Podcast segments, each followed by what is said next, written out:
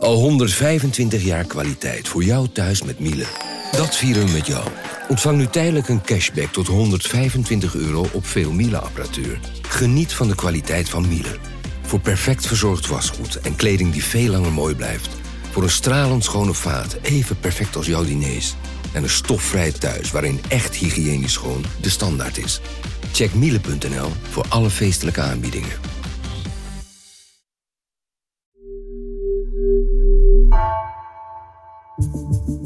Vanaf de redactie van NRC het verhaal van vandaag. Mijn naam is Gabriella Ader.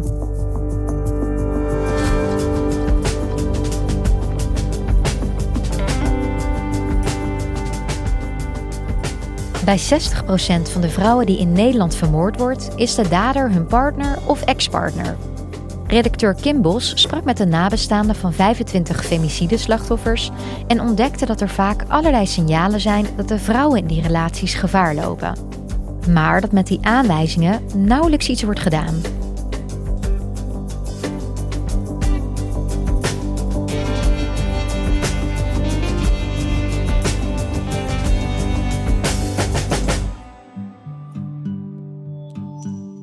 Op zaterdag 2 december 2006 is Wanda Beemsterboer van plan om met haar dochter Nadine een middagje te gaan winkelen. Ze was wat later en op een gegeven moment heb ik haar gebeld. Uh, dat, dat, was ongeveer uh, kwart voor twee, twee uur denk ik. En ze, ze werkte tot, tot één uur, dus, dus nou, ze was eigenlijk al wat later thuis. Ze nam op en ze zei, mam, ik bel je zo terug. Dus ik dacht dat zij in de auto zat. Dus, en ze, dat ze niet de handsfree belde. Dus ik had iets oké, okay, we hangen meteen op, ik, ik spreek je zo wel. En de tijd verstrijkt en Nadine die belt maar niet terug. En ze neemt ook haar telefoon niet meer op. En ze komt ook niet naar huis. In de namiddag kwam Genevieve, haar beste vriendin, uh, binnen. Uh, met de vraag van, weten jullie waar Nadine is? Want we hadden afgesproken. En ik zeg, ja, ik weet het, maar geen idee. En op een gegeven moment komen Wanda en haar man Sjaak samen met de vriendin van Nadine op het idee om een neef te bellen. Die woont om de hoek bij Nadine's ex-vriend. Um, en Nadine heeft op dat moment ook nog veel contact met haar ex-vriend. En het idee is, ja, misschien weet hij iets. Nou, die neef, uh, die, uh, die is gaan kijken en die belde echt, echt tien minuten, kwartiertje later op dat, uh, dat er lintafzetting was. Weet je wel, zo'n zo'n rood-wit lint, dat de politie rondliep. Ja, en de auto stond er. Dus dan weet je op dat moment genoeg. Ik ben, ik ben letterlijk op de grond gevallen, letterlijk, van mijn stoel. En, en Sjaak heeft de politie weer gebeld en die hebben bevestigd dat er een uh, jonge uh, vrouw was gevonden. Die was overleden. Dus ja, dan stort je leven gewoon volledig in.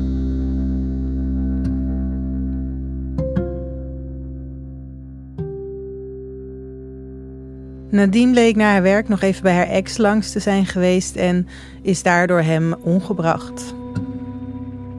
En het verhaal van Nadine is geen uitzondering. In de afgelopen vijf jaar werden 127 vrouwen het slachtoffer van femicide. En dat betekent dan in dit geval dat ze werden vermoord door hun partner of hun ex. Nu eerst naar Oosterhout. Want daar heeft een man van 72 gisteravond zijn vrouw om het leven gebracht.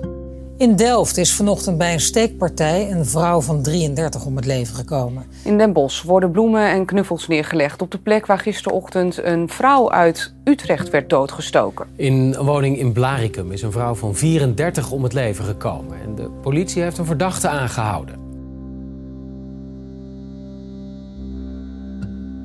Van de vrouwen die in Nederland worden vermoord, wordt 60% door hun partner of ex-partner vermoord. En dat vonden we eigenlijk wel heel erg veel. En daarom besloten mijn collega's Bram Endendijk en Nina Stefanovski en ik om daar eens beter naar te gaan kijken. We wilden weten van ja, wat gaat er vooraf aan zo'n gruwelijke daad en welke patronen zijn er te herkennen en kunnen instanties ingrijpen en doen ze dat ook? En om daar achter te komen hebben we onder meer met naasten van 25 vermoorde vrouwen gesproken en ook met andere experts op, uh, op dit gebied.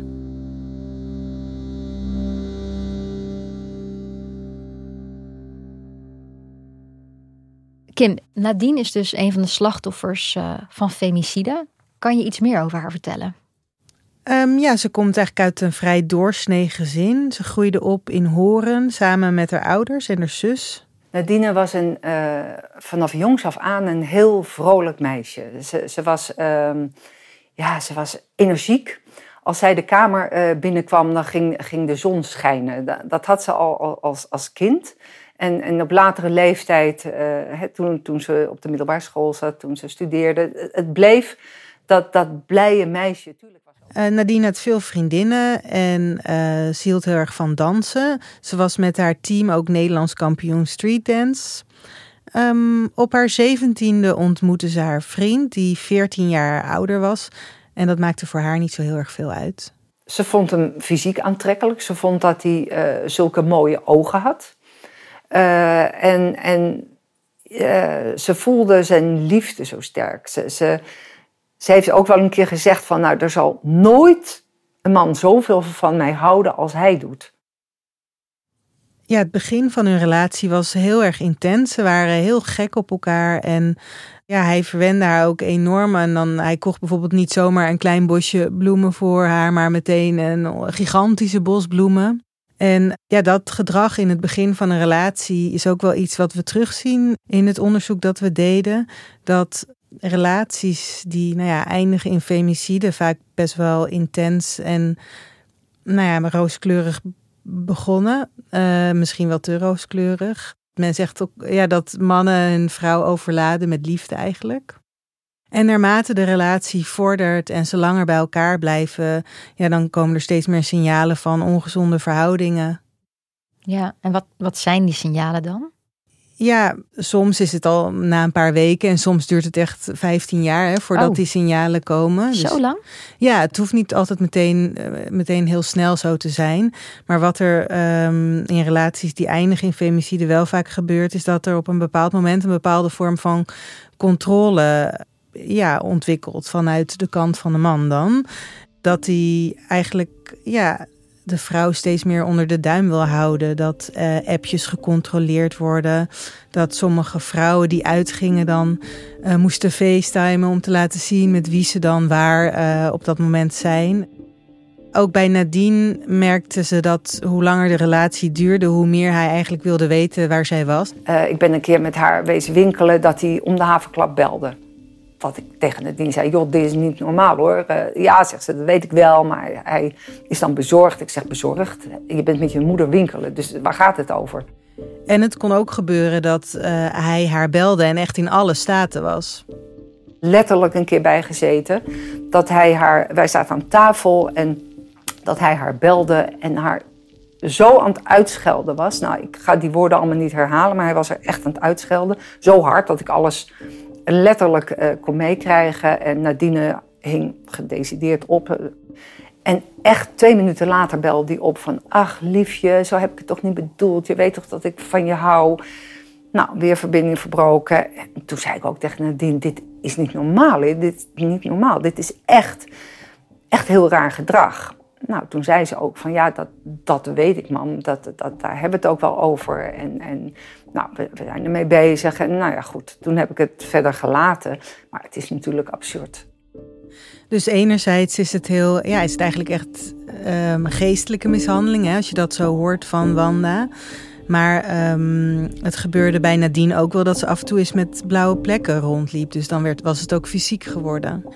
En dat zie je ook heel veel terug in de andere voorbeelden. Um, dat er vaak sprake is van geestelijk geweld, maar dat er ook ja, veel fysiek geweld is. Soms is het allebei aan de hand en soms het een of het ander.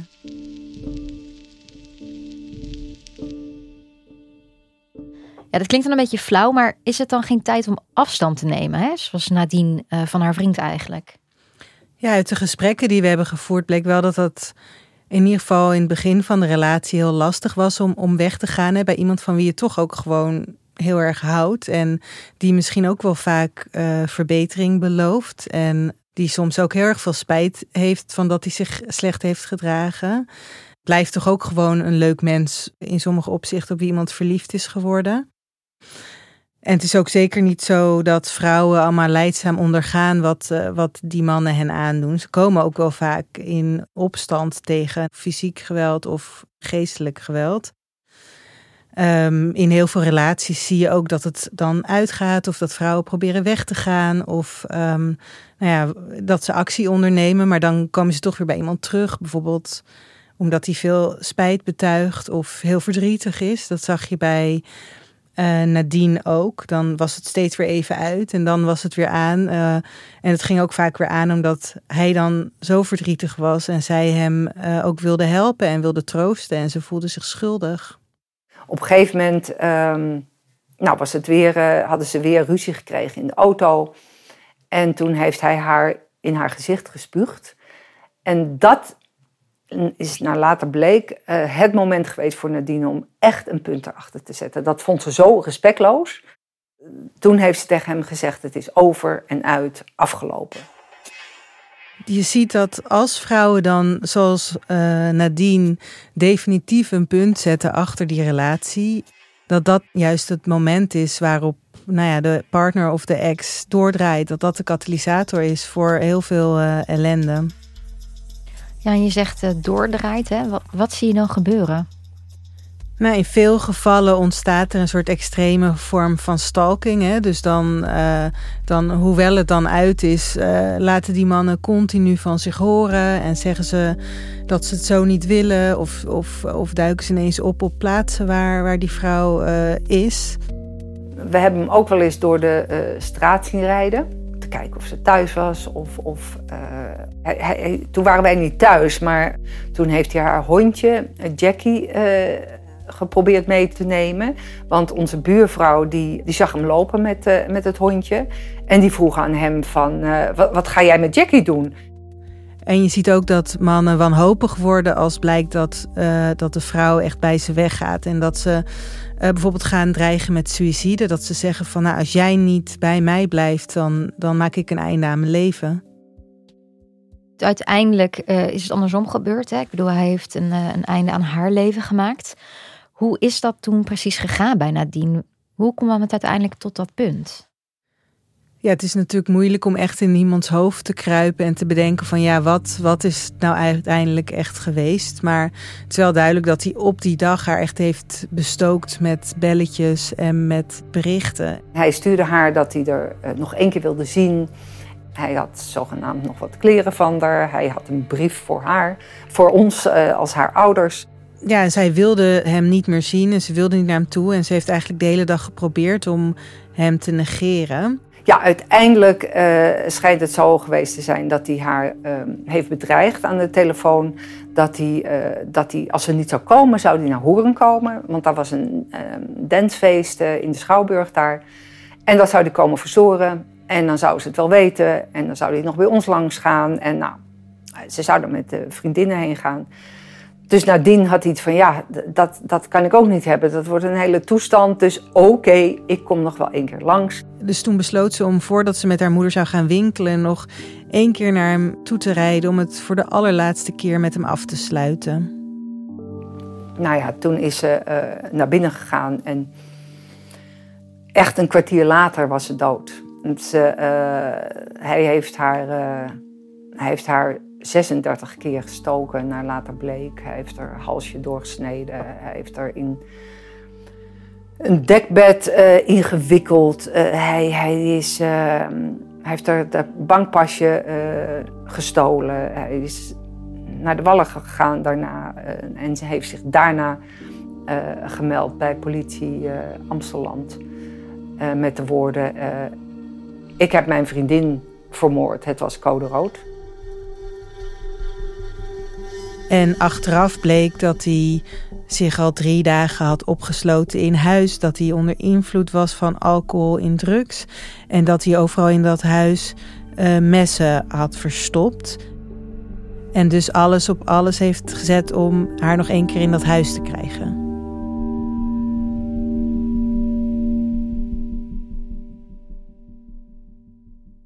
Ja, Kim, jullie hebben uh, naast dat jullie met de moeder van Nadine hebben gesproken, ook met andere uh, naasten gesproken.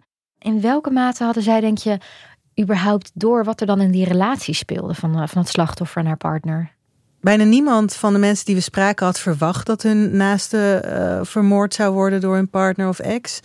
Maar wat wel heel opvallend was, is dat mensen zeiden: ja, we hadden wel een beetje een onderbuikgevoel bij deze persoon. Het klopte niet, er was, er was iets. Toen, toen wij elkaar een hand gaven, was een soort slap handje. Toen kreeg ik echt onmiddellijk een onderbuikgevoel van, ik, ja, ik weet niet. Die intuïtie ja, voelde ik heel sterk, maar ik heb het wel weer terzijde geschoven. Want ja, zij was uh, gek op hem. En zij had een relatie met hem. En ja, een meisje van 17 verbieden om met iemand om te gaan, dat werkt dus echt totaal niet. Ik denk dat je dan het tegenovergestelde bereikt. Dus ja, we hebben hem in huis gehaald en hij had mee en hij heeft af en toe bij ons geslapen, uh, bijna drie jaar lang. Ja, heel vaak zeggen mensen achteraf wel dat er dingen waren die niet goed zijn. Net zoals eh, bij Nadine, dat er vreemde ruzies waren of dat er stalkgedrag was. Maar dat het echt heel erg gevaarlijk was, dat, dat is dan iets wat de omgeving toch vaak niet doorheeft. Daar kan ik me ook wel iets bij voorstellen. Ja, het heeft ook mee te maken dat uh, slachtoffers zijn geneigd om, om minder te vertellen dan er eigenlijk aan de hand is. Bijvoorbeeld uit schaamte. Ja. Um, ja, je wordt op een bepaalde manier door iemand behandeld. En dat, is ook, ja, dat kan ook best wel uh, gênant zijn er zijn dus, dus wel vaak signalen. Bijvoorbeeld, uh, een vrouw vertelt over haar zus dat die heel vaak gebroken. Ja, dan had ze weer een gebroken arm en dan had ze weer een gebroken been en uh, blauwe plekken. En dan vroegen ze wel van, wat is er nou met jou gebeurd? En dan zei ze van, ja, je weet toch hoe lomp ik ben en dat ik de hele tijd val. En veel uh, mensen zeiden terugblikkend op wat, wat hun naaste is overkomen ook wel dat dat ze eigenlijk hadden gewild dat ze zelf meer hadden doorgevraagd. Dus dat ze dan al die kleine signalen die ze opvingen, dat ze die misschien serieuzer hadden genomen. Um, dan hadden ze misschien iets voor hun naasten kunnen doen. Of dan hadden ze misschien instanties kunnen inschakelen. Ja, want daar ben ik er wel benieuwd naar. Hè? Hoe, hoe vaak worden dan die instanties ingeschakeld? Heb je daar enig zicht op gekregen? Het gebeurt af en toe wel, maar uh, de stap naar de politie of naar andere hulpinstanties is wel heel erg groot. Dat heeft met van alles te maken, denk ik. Maar bijvoorbeeld ook dat. Nou, het gaat ook over je relatie. Dus als je aangifte gaat doen bij de politie, dan betekent dat ook direct iets. Ik bedoel, dan. Nou, stel je voor, je hebt kinderen samen, dan, is, dan zijn je kinderen hun vader misschien wel even kwijt. Of um, vrouwen willen ook weer niet dat hun partner of ex een strafblad krijgt en trekken dan toch weer hun aangifte bijvoorbeeld in. En een van de belangrijkste dingen is om niet de stap naar de politie bijvoorbeeld te zetten, is dat die vrouwen er eigenlijk van overtuigd zijn dat hun partner zoveel van ze houden dat ze hen uiteindelijk toch niks zullen aandoen. Ik heb wel eens gezegd tegen haar um, dat ik wel eens, uh, nou ja, dat ik wel, wel eens bang was dat hij haar misschien een keer iets zou aandoen. En toen zei ze tegen mij: Mam, hij zal me nooit wat aandoen. Hij houdt veel te veel van mij. En dat, um, ja, dat, daar was ze van overtuigd.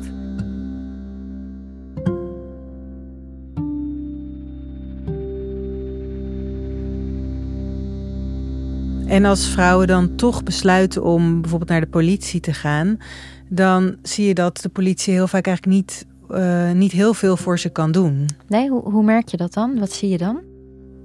Nou, het is bijvoorbeeld al heel lastig om, om iets te doen tegen psychisch geweld, wat hier heel vaak er aan de hand is. Hè? Dus als een partner manipuleert of, of controleert, hoe doe je daar dan iets aan?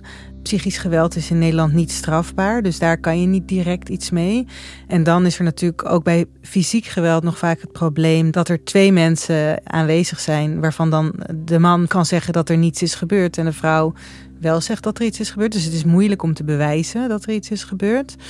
En wat we ook heel veel van naasten hebben gehoord, is dat er bij de politie niet zoveel overzicht is van de verschillende meldingen die al zijn gedaan. Dus um, in sommige gevallen hebben vrouwen bijvoorbeeld meer dan tien keer ergens melding van gedaan. Maar dan is het niet altijd zo dat de politie dan bijvoorbeeld een adres ergens invoert en dat meteen allemaal ziet staan. Dat is toch ook raar? Je zou denken dat die meldingen bij een bepaald persoon worden gezet. Ja, en in sommige gevallen is het gebeurd dat allerlei verschillende personen bij um, nou ja, zeg maar zo'n relatie betrokken zijn geweest. Alle, allerlei verschillende politiemensen. En uh, dat dan dus geen beeld ontstaat van een relatie waarin iets heel erg mis is, maar gewoon verschillende losse meldingen. En dat is dus wel iets wat heel veel uh, naasten en experts aankaarten, dat dat beter moet. Um, en dat is ook wel iets waar de politie op sommige plekken al aan werkt.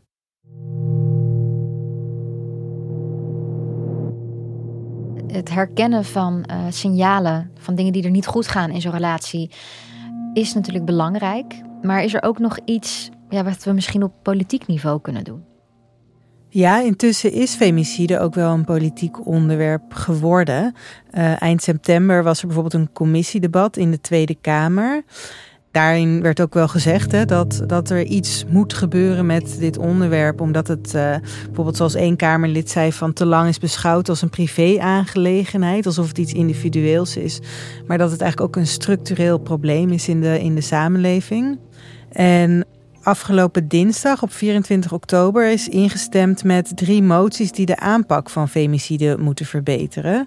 En uh, nou ja, een daarvan vraagt de regering bijvoorbeeld om prioriteit te geven aan een breed gedragen integrale aanpak van femicide. Wat eigenlijk betekent dat zorg- en veiligheidsinstanties beter moeten samenwerken. Ja, en dan tot slot, wat gebeurt er op dit moment uh, ja, met de mannen die femicide hebben gepleegd? Hebben jullie daar enig zicht op? Ja, um, sommige mannen die plegen zelfmoord nadat ze hun uh, partner hebben gedood. Dat is bij een aantal van de mensen die wij spraken zo gegaan. Um, heel veel vaker krijgen, krijgen die mannen dan fikse gevangenisstraffen, um, soms ook nog TBS. En uh, bij de uh, ex van Nadine is dat ook zo gegaan. Die is veroordeeld tot 12 jaar cel met TBS en dwangverpleging. die is inmiddels wel weer vrij. Um, in, de, in de rechtbank bleek ook dat hij een narcistische persoonlijkheidsstoornis heeft. En um, nou ja, achteraf heeft hij ook wel gezegd dat hij spijt heeft van wat hij heeft gedaan. Um, nou ja, dat is iets waar Wanda nog niet zo heel erg veel mee kan. Eh, voor haar is het nu vooral heel belangrijk om de dingen die zij zelf niet heeft opgemerkt of misschien niet helemaal goed heeft gezien, wel te ja, leren aan andere mensen. Zodat zij eigenlijk die rode vlaggen die voorafgaan aan uh, moord op een vrouw wel herkennen. Ik zou het duizend keer terugdraaien als, ik, als ik zou kunnen. Maar dit is het feit, dit is er gebeurd. Dus om er dan nog iets mee te kunnen doen, dat geeft wel een, een, ook een dankbaar gevoel. Ja om anderen ermee te kunnen helpen.